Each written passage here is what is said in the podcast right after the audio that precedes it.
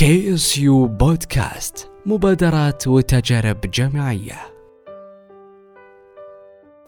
بسم الله الرحمن الرحيم. أسعد الله جميع أوقاتكم بكل خير مستمعينا الكرام في إطلالة جديدة عبر بودكاست الجامعة. هنا KSU بودكاست يطل عليكم من جديد وفي بداية عام متميزة.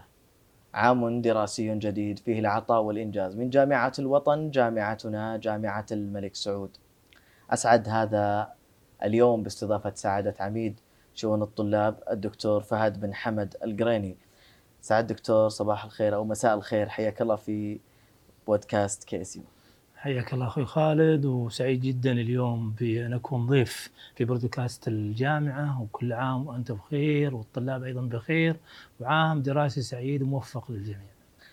آه هذا العام عام فيه مناشط كثيرة بحكم تقريبا إطالة هذا العام أو آه بدأنا فيه بداية قوية آه تميز جديد آه سيقبل علينا 2020 فترة تحول وطني متميزة عطاء لوطن كبير يستحق منا المزيد. دكتور فهد أبرز المناشط والبرامج الجديدة والتي ستكون هذا العام في عماده شؤون الطلاب. مثل ما ذكرت خالد إحنا الآن وضعنا رؤية المملكة 2030 في اعتبارنا في الفترة القادمة واصبحت هي تقريبا الدليل والقائد للأنشطة والبرامج التي تنفذها العمادة. اقمنا قبل فترة ورشة عمل على أساس أيضا نكيف أنشطتنا وفعالياتنا بما في رؤية 2030 وبما يحقق أيضا تطلعات القيادة في توظيف الطلاب والطالبات لتحقيق أهداف رؤية 2030 ولله الحمد يعني حققنا بعض الإنجازات في الفترة الماضية. نسعى أيضا إن شاء الله في الفترة القادمة لتحقيق أيضا كثير من الإنجازات. وأيضا كل العمل يا خالد يقوم بشكل أساسي على الأفكار والإبداعات اللي يقدمها الطلاب والطالبات، يعني هذه فلسفة العمادة في الفترة الأخيرة. يعني العمل الطلابي أو النشاط الطلابي يبدأ من الطالب وينتهي بالطالب.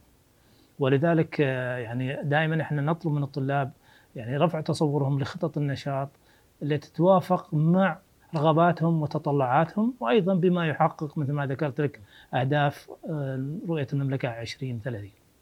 جميل جدا.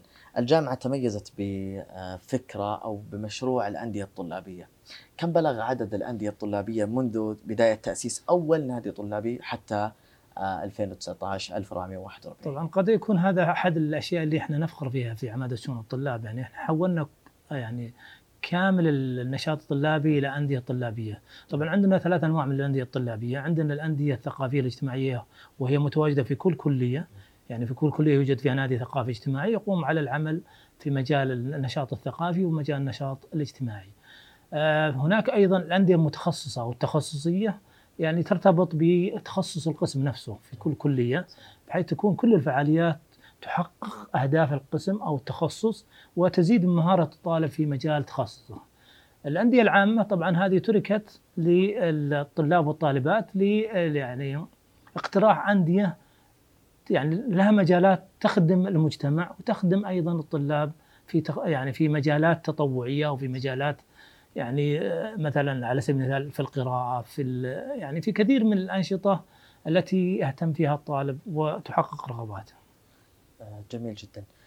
لو تحدثنا عن جديد عمادة شؤون الطلاب هذا العام، كل عام عمادة شؤون الطلاب هي من يحتضن الاحتفاء باليوم الوطني، هذا صحيح. العام اليوم الوطني في مشارف نهاية هذا الشهر إن شاء الله ما هي استعدادات عمادة شؤون الطلاب وإطلاق الحزمة الجديدة من فعاليات اليوم الوطني هذا العام أولا نهني القيادة الكريمة باليوم الوطني التاسع والثمانين للمملكة العربية السعودية وإحنا في عمادة شؤون الطلاب كل سنة نسعى إلى إظهار وإبراز هذا اليوم الوطني ويشارك أبنائنا الطلاب وأبنائنا الطالبات في الإعداد لهذا اليوم الذي ينتظره الجميع كل سنة للتعبير عن ولاء محبهم وتقديرهم لقيادة هذا الوطن ولهذا الوطن.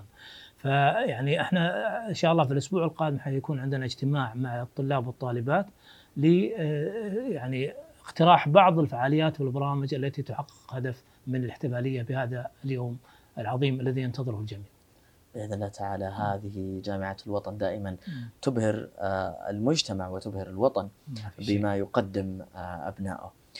للجامعة وأبناء الجامعة من ذوي الإعاقة تحتضن عمادة شؤون الطلاب هذه الفئة آه، كونها الراعي الأساسي للطلاب والطلاب ذوي الإعاقة من هؤلاء الطلاب. مركز خدمات، نادي طلابي، آه، وحدة صحية ووحدة خدمات أكاديمية هكذا ما رأيناه وما نراه في جامعة الوطن وهي تخدم هذه الفئة. حدثنا أكثر دكتور فهد عن ذوي الإعاقة والطلاب وماذا تقدم لهم العمادة. طبعا أنت تعرف يا خالد يمكن أكثر واحد يعرف في هذا المجال العماد الجامعة والعماده بشكل خاص آه، يعني أولت هذه الفئة الغالية من أبنائنا الاهتمام الكبير في الفترة الماضية ويمكن الجامعة أنشأت واحد من أهم وأفضل المراكز حتى على مستوى الجامعات في الشرق الأوسط لذوي الإعاقة يقدم كثير من الخدمات لأبنائنا وبناتنا الطلاب ابنائنا الطلاب وبناتنا الطالبات. آه، كثير من الخدمات تقدم من خلال هذا المركز. الجامعة أنشأت أيضا أكثر من جهة أو آه، يعني داخل الجامعة تتولى الاهتمام بالطلاب ذوي الإعاقة. برنامج الوصول الشامل البرنامج العالي أو برنامج التعليم الصم. وأيضا عندنا مركز ذوي الإعاقة اللي أنشئ قبل فترة طويلة عام 1405 ويقدم خدمات كثيرة جدا لأبناء الطلاب. وهذا المركز هو مرتبط بعماده شؤون الطلاب لذلك بيكون حديثي عن هذا المركز. طبعا المركز هذا يقدم الكثير من الخدمات عندنا أكثر من وحدة منشأة في هذا المركز وحدة الخدمات التعليمية والأكاديمية. اللي المسانده وهذه أيضا لها كثير من يعني الخدمات تقدمها لابنائنا الطلاب. طبعا من ضمنها اللي هو متابعة الطالب دراسيا تهيئة الظروف البيئية والنفسية والاجتماعية للطالب لتحقيق أهدافه وتطلعاته. آه، فيعني مخاطبة الكليات لإنشاء بعض الأقسام التي تعنى بطلاب ذوي الإعاقة فكثير من الخدمات تقدمها هذه الوحدة. هناك أيضا وحدة الأنشطة والتدريب والمسؤولية الاجتماعية أيضا أيضا تقدم كثير من الأنشطة لابناء الطلاب سواء في المجال الثقافي في المجال الرياضي في المجال الاجتماعي. هناك أيضا ال ال أيضا الخدمات اللي تقدم يقدمها المركز بشكل خاص اللي هي مثل عملية طباعه برايل أيضا برامج الحاسوبية اللي تخدم طلاب ذوي الإعاقة. عندنا أيضا وحدة الرعاية الطبية في المركز هذه أيضا تخدم الطلاب ذوي الاعاقه فالجامعه بشكل عام والعماده بشكل خاص أولت هذه الفئة الغالية من أبنائنا والطلاب وبناتنا الطالبات الكثير من الاهتمام لتحقيق تطلعاتهم في يعني إيجاد بيئة مناسبة لهم لإكمال دراستهم على الاكمل وجه.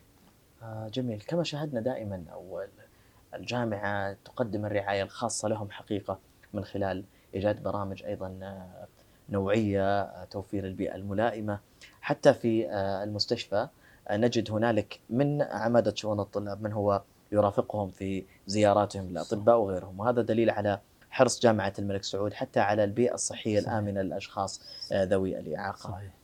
دكتور فهد طبعا فيه من أفضل المنشآت التي أنشأت أيام مدينة الرياض وحتى الآن سكن طلاب الجامعة وهو يعد من أفضل المباني على مستوى الإيواء وغيرها ووجود بيئات آمنة للسلامة واستقلالية الطالب وإيجاد بيئة آه، محفزة للطالب، لو تحدثنا أكثر عن سكن الطلاب بحكم إنه آه، كثير من المستمعين قد يكون طالب في الجامعة ولا يعلم آه، ما هي خدمات السكن أو كيف عملية السكن أو ما أبرز الجهود التي تقدمها عمادة شؤون الطلاب للسكن. طبعا السكن انشا من فترة طويلة جدا وكل سنة أو كل فترة يتم تجديد هذا السكن وتهيئته وتطوير امكانيات السكن. السكن طبعا له أهداف كثيرة جدا من ضمنها توفير البيئة المناسبة للطالب، المساعدة على تحسين التحصيل العلمي، الرعاية الاجتماعية والنفسية والتربية للطالب، توفير مختلف الخدمات التي تساعد الطالب على النجاح. طبعا السكن يضم العديد من الوحدات والإدارات، إدارة إسكان الطلاب، وحدة الأنشطة، وحدة الإسكان، وحدة علاقات المشرفين والمتابعة والتطوير والخدمات. فالسكن يقدم الكثير من الخدمات والمرافق أيضا التي يعني تكون من ضمن اهتمامات الطالب. يعني إحنا عندنا مثلا على سبيل المثال في السكن عندنا الصالات الرياضية الملاعب التموينات الخدمات الأخرى زي المغسلة الخياطة الحلاق كل هذه الأشياء المقاهي أيضا تقدم المشروبات للطلاب بوفيه. فكل هذه الخدمات تقدم من خلال آه، سكن الطلاب. مثل ما ذكرت لك تهيئة البيئة المناسبة للطالب للتحصيل العلمي. متى ما وجد الطالب البيئة المناسبة ووجد الارتياح داخل السكن أنا أعتقد أن هذا يساعد بشكل كبير جدا في التحصيل العلمي. طبعا عندنا أكثر من يعني المباني عندنا تقريبا بحدود 36 مبنى. مباني طبعا يعني أيضا موزعة بشكل أساسي على يعني كل الطلاب سواء السعوديين أو غير السعوديين طلاب المنح وأيضا هناك أيضا بعض المباني خصصت لبعض الباحثين الذين يعملون في جامعة الملك سعود ولكن العمل العمل الأساسي أو السكن الأساسي هو للطلاب في آه، المنتظمين في جامعة الملك سعود. جميل جدا دكتور. آه، لو تحدثنا أكثر أو تعطينا أكثر لمحة للطلاب والطالبات ونصيحه لهم عن ما تقدمه العمادة في ختام لقائنا هذا وتوجيهك لأبنائك وبناتك الطلاب والطالبات عن ما تقدمه العمادة وما هي يعني العبارات التحفيزية أو ما تقدمه لهم العمادة في هذا العام أو كل عام. يمكن التحفيز يجي من زملائهم اللي مارسوا الأنشطة واللي عملوا في الأنشطة الطلابية. يمكن قبل يومين تابعت أحد تغريدات أحد الطلاب اللي كانوا موجودين في الأنشطة الطلابية. أثنى بشكل كبير جدا على العمل الطلابي في جامعة الملك سعود والفائدة اللي حققها من خلال انخراطه في هذا النشاط الطلابي. وبين لزملائه من خلال تغريداته ان أن العمل في الأنشطة الطلابية لا يتعارض مع الدراسة الأكاديمية متى ما استطاع الطالب أنه يعني يرتب جدوله ويرتب أموره. ف وأيضا هناك شواهد كثيرة جدا يعني كثير من الطلاب اللي مروا على الأنشطة الطلابية آه، ولله الحمد الآن بعد ما تخرجوا الآن أصبحوا قيادات في الأماكن اللي يعملون فيها. وهذا يعني دليل كبير جدا على أن النشاط الطلابي لا يتعارض مع التحصيل العلمي بل أن التحصيل أو النشاط الطلابي يضيف الكثير من المهارات إلى الطالب التي تساعده في المنافسة في سوق العمل، فلذلك هي دعوة لأبناء الطلاب وبنات الطالبات للعمل والالتحاق بالأنشطة الطلابية لأنها ستزيد من مهارته وستصقله وأيضا ستساعده في المنافسة زي ما قلت لك بعد ما ينتهي إن شاء الله من أو بعد ما يحصل على شهادته الأكاديمية. ستساعده إن شاء الله في المنافسة في سوق العمل. الجامعة يمكن هي بادرت يعني وكانت سباقة في إصدار سجل أيضا موازي للسجل الأكاديمي اللي هو سميناه إحنا سجل المهارات. أو السجل المهاري. فهذا أيضا يمكن يمكن من الاشياء اللي إحنا نفخر فيها بالجامعة.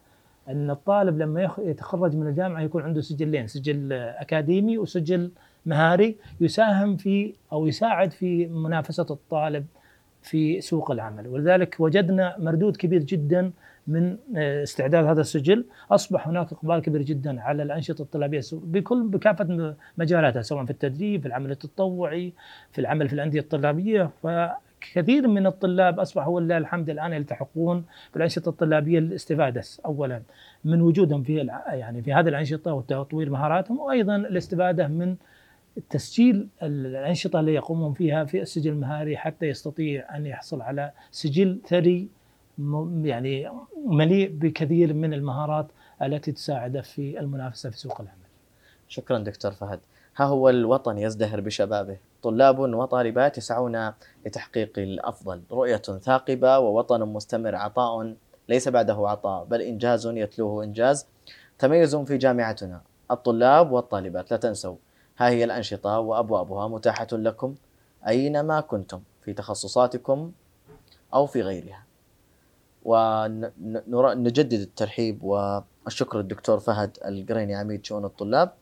شاكرين له حسن الاستقبال وكرم الضيافة. شاكرين أيضا لعمادة شؤون الطلاب تفاعلها مع كافة الطلاب والطالبات في أمورهم الدراسية. أنا خالد خبراني كنت معكم في تقديم هذه الحلقة.